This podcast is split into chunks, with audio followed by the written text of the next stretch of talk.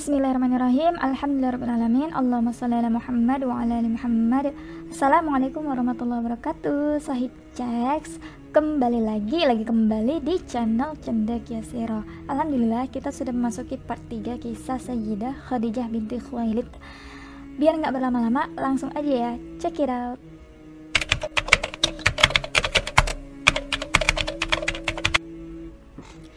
Setelah menikah dengan Rasulullah Sallallahu Alaihi Wasallam, Khadijah radhiyallahu anha tidak lagi tertarik dengan perdagangan serta kesuksesan yang diraihnya. Ia fokus merawat Nabi Muhammad Sallallahu Alaihi Wasallam dan anak-anaknya. Perdagangan diserahkan seutuhnya kepada Rasulullah Sallallahu Alaihi Wasallam untuk mengurusnya.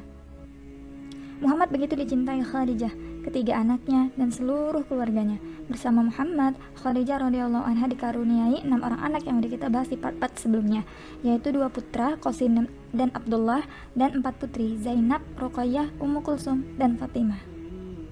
Salma merupakan wanita yang membantu Khadijah radhiyallahu anha saat melahirkan semua anak-anaknya, dan Khadijah radhiyallahu anha telah menganggap dirinya sebagai anggota keluarga.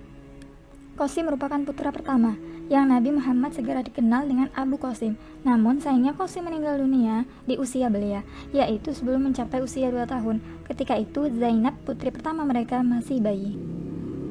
Kesedihan menyelimuti rumah tangga dan seluruh keluarga Khadijah. Hari-hari sulit itu pun membuat Khadijah dan Muhammad semakin dekat. Sang Al-Amin selalu menemani dan menghiburnya. Hingga peristiwa pengangkatan anak terjadi, anak istimewa itu adalah seorang budak bernama Zaid bin Harithah yang sudah kita bahas di part sebelumnya. Kemudian dikenal Zaid sebagai Zaid bin Muhammad. Setelah itu lahirlah dua anak perempuan, Ruqayyah dan Ummu Kulsum. Lalu Fatimah lahir di masa menjelang kenabian dan terakhir lahirlah seorang putra yang dinamai Abdullah. Namun bayi itu wafat pada usia yang lebih muda dari Qasim dan digantikan oleh keponakan Nabi Muhammad yaitu Ali bin Abu Thalib yang tinggal bersama mereka ketika Nabi Muhammad berusia sekitar 35 tahun. Jadi ini teman-teman di part sebelumnya itu dikatakan bahwa Fatimah lah anak paling kecil gitu sedangkan di part ini dikatakan bahwa Abdullah adalah anak yang paling kecil. Nanti kita akan bahas ya teman-teman karena ada perbedaan periwayatan gitu teman-teman. Khadijah radhiyallahu anha adalah wanita yang sangat mencintai Nabi. Beliau benar-benar membela suaminya dengan pembelaan yang luar biasa. Seluruh hartanya diberikan kepada suaminya untuk berdakwah. Inilah pentingnya kerjasama antara seorang yang berilmu dan seorang yang berharta dalam berdakwah. Dakwah sulit berjalan jika hanya mengandalkan ilmu tanpa disokong dari sisi dana. Sehingga inilah salah satu hikmah Allah menikahkan Nabi Muhammad SAW dengan Khadijah, saudagar yang kaya raya dan benar-benar mendukung dakwah Nabi secara totalitas. Selain Khadijah, Abu Bakar radhiallahu anhu juga termasuk saudagar kaya raya yang ikut serta mendukung dakwah Nabi. Jadi ada dua ya teman-teman yang benar-benar kaya raya gitu ya mendukung dakwah Nabi di awal-awal yaitu Abu Bakar dan Khadijah radhiallahu anha. Oleh karena itu, tatkala bila disiksa oleh tuannya Umayyah bin Khalaf, Abu Bakar radhiyallahu anhu membebaskannya dan memerdekakannya dengan hartanya. Karena saat itu Nabi SAW tidak memiliki harta sehingga tidak mampu memerdekakan Bilal. Khadijah radhiyallahu anha dan Rasulullah SAW hidup bersama selama 15 tahun sebelum beliau diangkat menjadi rasul dan 10 tahun sesudahnya. Dialah istri satu-satunya yang hidup paling lama dengan rasul bila dibandingkan dengan istri-istri rasul yang lain. Jadi totalnya 25 tahun. Oleh karena itu, tidak dapat dipungkiri bahwa Khadijah radhiyallahu anha sangat paham secara detail informasi tentang Rasulullah sallallahu alaihi wasallam. Namun realita yang ada tidak banyak diketahui informasi-informasi terkait Rasulullah sallallahu alaihi wasallam melalui istri pertamanya. Jadi memang um, hampir tidak pernah kita dengar gitu ya teman-teman ada hadis yang diriwayatkan oleh Khadijah.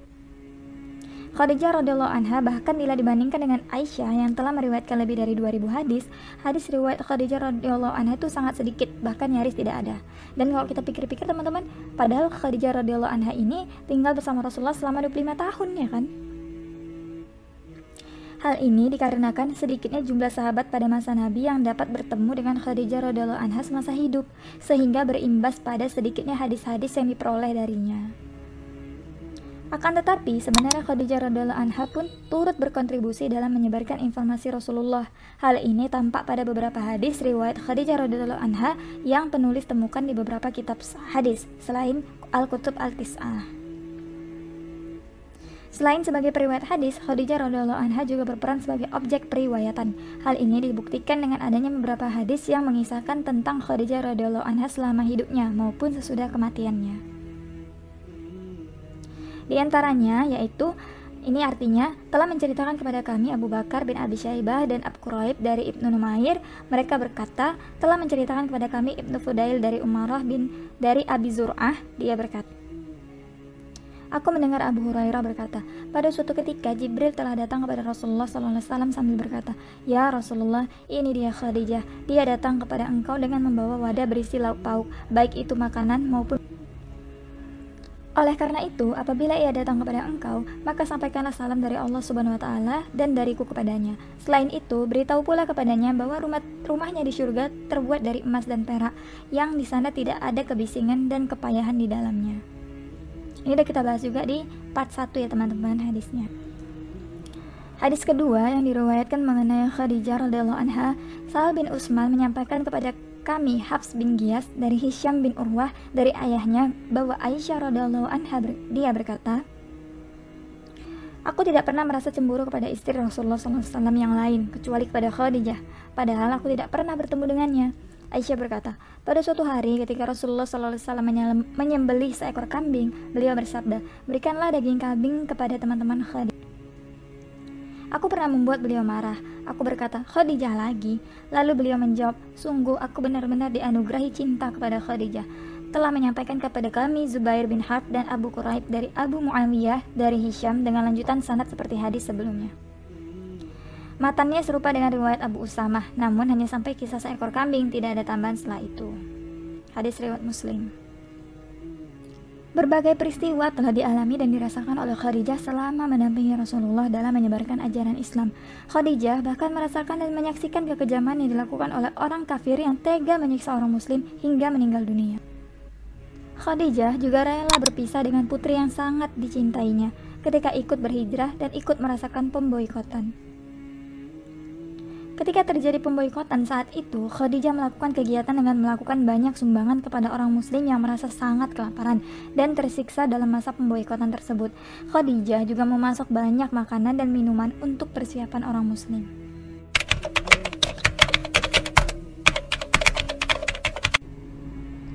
Allah Ta'ala menganugerahkan Ummul Mukminin Khadijah hati dan ruh yang suci dan cahaya keimanan sehingga ia begitu siap ketika kebaikan datang menghampirinya.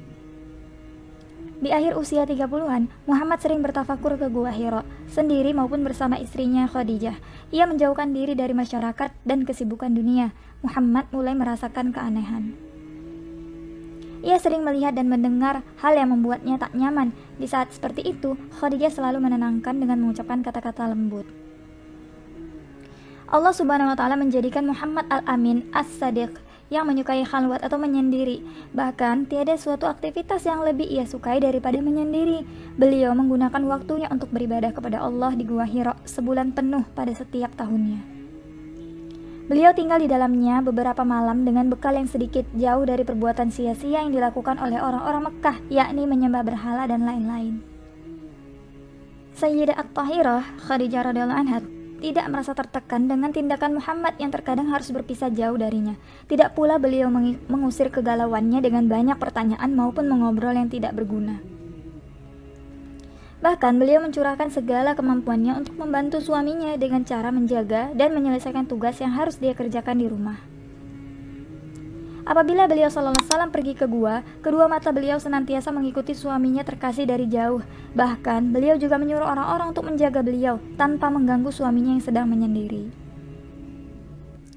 Rasulullah SAW tinggal di dalam gua tersebut hingga batas waktu yang Allah kehendaki dan peristiwa turunnya wahyu pertama pun terjadi peristiwa yang membuat hati setiap orang beriman bergetar peristiwa abadi yang tidak pernah bosan kita dengarkan Bacalah dengan menyebut nama Tuhanmu yang menciptakan. Quran Surah Al-Alaq ayat 1. Nabi segera pulang dalam keadaan takut dan gemetar. Kemudian beliau bertemu dengan istrinya. Selimuti aku, selimuti aku, kata Nabi. Khadijah menyelimutinya dengan penuh kasih sayang sampai rasa cemasnya sirna. Nabi berkata, Khadijah, apa yang terjadi padaku? Aku khawatir terjadi apa-apa pada diriku. Khadijah menanggapi dengan kalimat yang sangat berarti bagi sikis Nabi.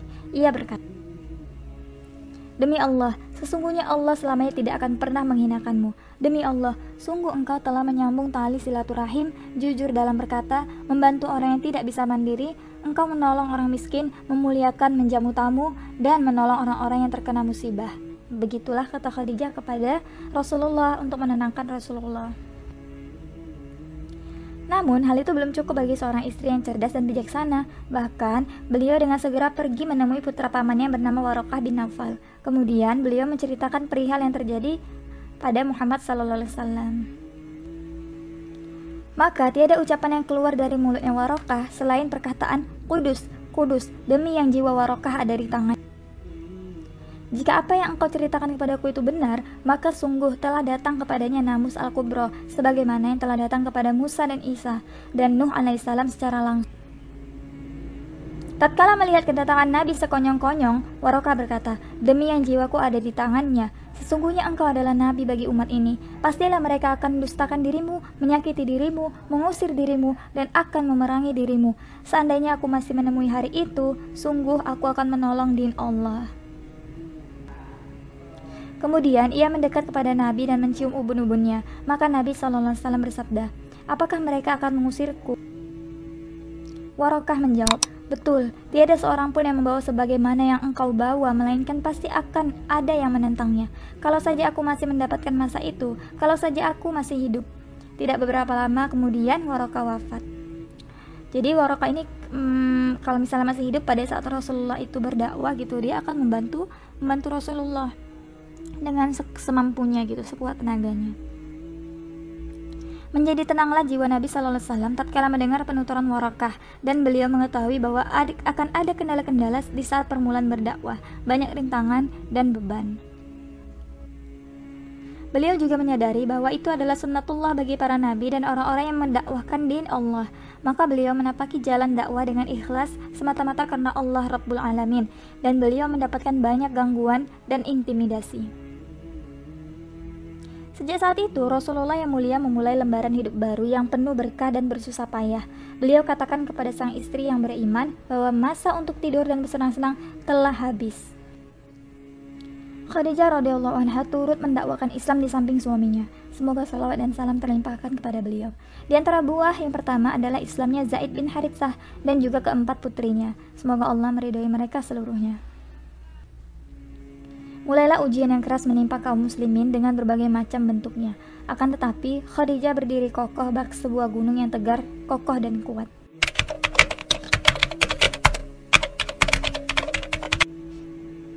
Menurut sumber-sumber, Khadijah sebagai orang pertama yang beriman kepada Allah dan Rasulullah SAW. Bukti-bukti menyatakan bahwa Khadijah diyakini sebagai orang pertama yang melakukannya. Bahkan beberapa pendapat menyatakan bahwa ini memiliki komitmen tinggi. Ibnu Abdul Bar meyakini bahwa Ali radhiyallahu anhu adalah orang pertama yang menyatakan keimanannya kepada Nabi sallallahu alaihi wasallam setelah Khadijah. Begitu pula diisyaratkan tentang keterdahuluan Khadijah dan Ali radhiyallahu anhu dalam mendirikan sholat bersama Nabi sallallahu alaihi wasallam. Mereka dikenal sebagai orang muslim pertama di dunia yang mendirikan sholat bersama Rasulullah sallallahu alaihi wasallam. Dalam keadaan yang aneh dan membingungkan itu, Khadijah orang yang pertama beriman kepada Allah dan Rasulnya. Ketika uh, Rasulullah ini masih bertemu dengan malaikat Jibril gitu kan, bingung ya Rasulullah teman-teman. Nah, Khadijah orang pertama yang beriman kepada Allah dan Rasulnya. Tentu hal ini semakin meringankan beban psikis Nabi. Nabi tidak pernah mendengar sesuatu pun dari Khadijah yang membuat beliau itu tidak suka tidak mendustakannya dan membuatnya bersedih, melalui wanita mulia ini, Allah telah berikan banyak jalan keluar dan kemudahan untuk beliau. Saat ia pulang mendakwakan disalahnya, Khadijah selalu membuat jiwanya kembali teguh dan bersemangat, meringankan dan membenarkannya di saat orang-orang mendustakannya. Hal itu membuat Khadijah selalu setia mendampingi suaminya, mendukungnya. Rasulullah mulai berdakwah pada keluarga dan sahabatnya. Tak banyak yang mau mengikuti ajaran yang dibawa Rasulullah SAW, agama yang hanya menyeru kepada satu Tuhan. Hinaan dan cacian ia terima. Yang paling keras dan menentangnya datang dari kedua pamannya, yaitu Abu Lahab dan Abu Jahal. Bahkan hinaan semakin memburuk ketika Rasulullah menyampaikan isi Al-Quran. Kata-kata si gila, tukang sihir, dan penyair tersemat padanya. Membayangkan keadaan tersebut dan sulitnya merintis dakwah di tengah orang-orang yang mengingkari, tidak hanya mengingkari, mereka juga memusuhi dan merespon dakwah dengan gangguan. Tapi beliau memiliki istri seperti Khadijah yang melapangkan dan tidak pernah mengecewakannya sedikit pun. Dari sini kita tahu mengapa Rasulullah SAW tidak menikahi wanita lain selain dirinya saat ia masih hidup. Sebagai istri, tidak ada satupun orang yang mencela Khadijah, bahkan justru pujian yang datang untuknya. Khadijah mendampingi Rasulullah SAW hampir seperempat abad lamanya, 25 tahun ya gengs. Hidupnya dilalui dengan penuh kesetiaan dan kebajikan, dan sebagaimana yang seharusnya dilakukan seorang istri kepada suaminya, beliau pun mendampingi Rasulullah dalam suka dan duka. Ibnu Ishaq menyebutkan dalam Al-Syiar wal Maghazi Khadijah adalah orang pertama kali beriman kepada Allah dan Rasulnya, membenarkan apa yang beliau sampaikan, sehingga dengan begitu Allah meringankan beban dari Rasulullah SAW. Rasulullah tidak pernah mendapat hal-hal yang tidak disukai dari ucapan-ucapan Khadijah, baik penolakan terhadap beliau atau pendustaan yang membuat Rasulullah bersedih hati. Jadi benar-benar Khadijah ini istri yang sangat-sangat mendukung suaminya ya teman-teman sangat-sangat mendukung suaminya. Bahkan tidak pernah keluar satu kata-kata yang membuat Rasulullah itu tidak suka gitu. Semuanya perkataan yang membuat Rasulullah itu uh, semangat gitu ya. Bahkan justru Allah memberikan jalan keluar melalui Khadijah, di mana jika Rasulullah kembali kepada Khadijah, maka ia akan menegaskan hati Rasulullah SAW dan meringankan bebannya.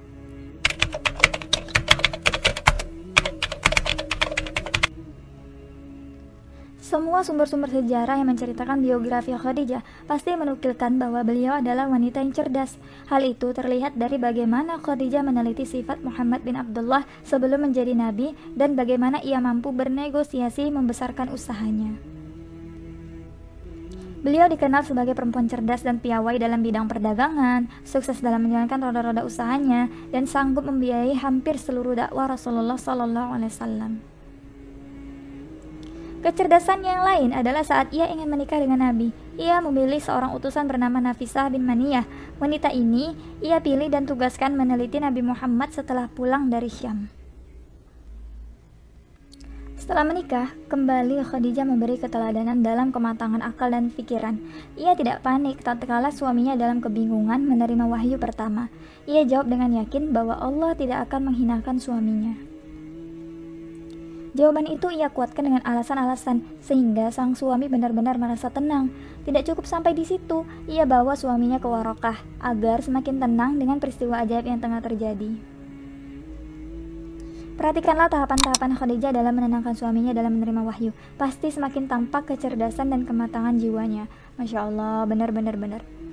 Benar ya teman-teman, karena memang luar biasa ya Khadijah itu ketika Rasulullah datang dengan panik, itu bukan langsung nanyain eh Rasulullah kamu dari mana eh uh, suamiku kamu dari mana? Gitu kan. Enggak tapi langsung ditenangkan oleh Khadijah. Kemudian Khadijah ini mengatakan hal-hal yang membuat Rasulullah itu bisa tenang gitu ya.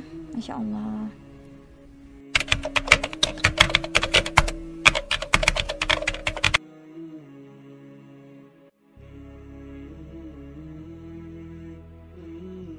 Nah itu tadi teman-teman kisah Khadijah radhiyallahu anha. Ini adalah beberapa sumber artikel ya teman-teman yang saya saya kutip gitu ya atau saya ambil tulisannya juga teman-teman Itu dari Salam UI ACID newsdetik.com kisahmuslim.com muslimanews.com brilio.net manyokya1.sch.id darunnaja.com muslim okezon.com dakwatuna.com blog mza blog.blogspot.com rumaisya.com almanhaj.or.id muslimah.or.id Firanda.com, republika.co.id, kalamsod.sindonews.com, kumparan.com. Adapun sumber buku, yang pertama itu ada Khadijah ketika rahasia mim tersinggung. Kemudian revisi politik perempuan. Ar-Rahikul Maktum, The Woman of Madinah. Muhammad kisah hidup Nabi berdasar sumber klasik. Teladan Agung Wanita Mukminah.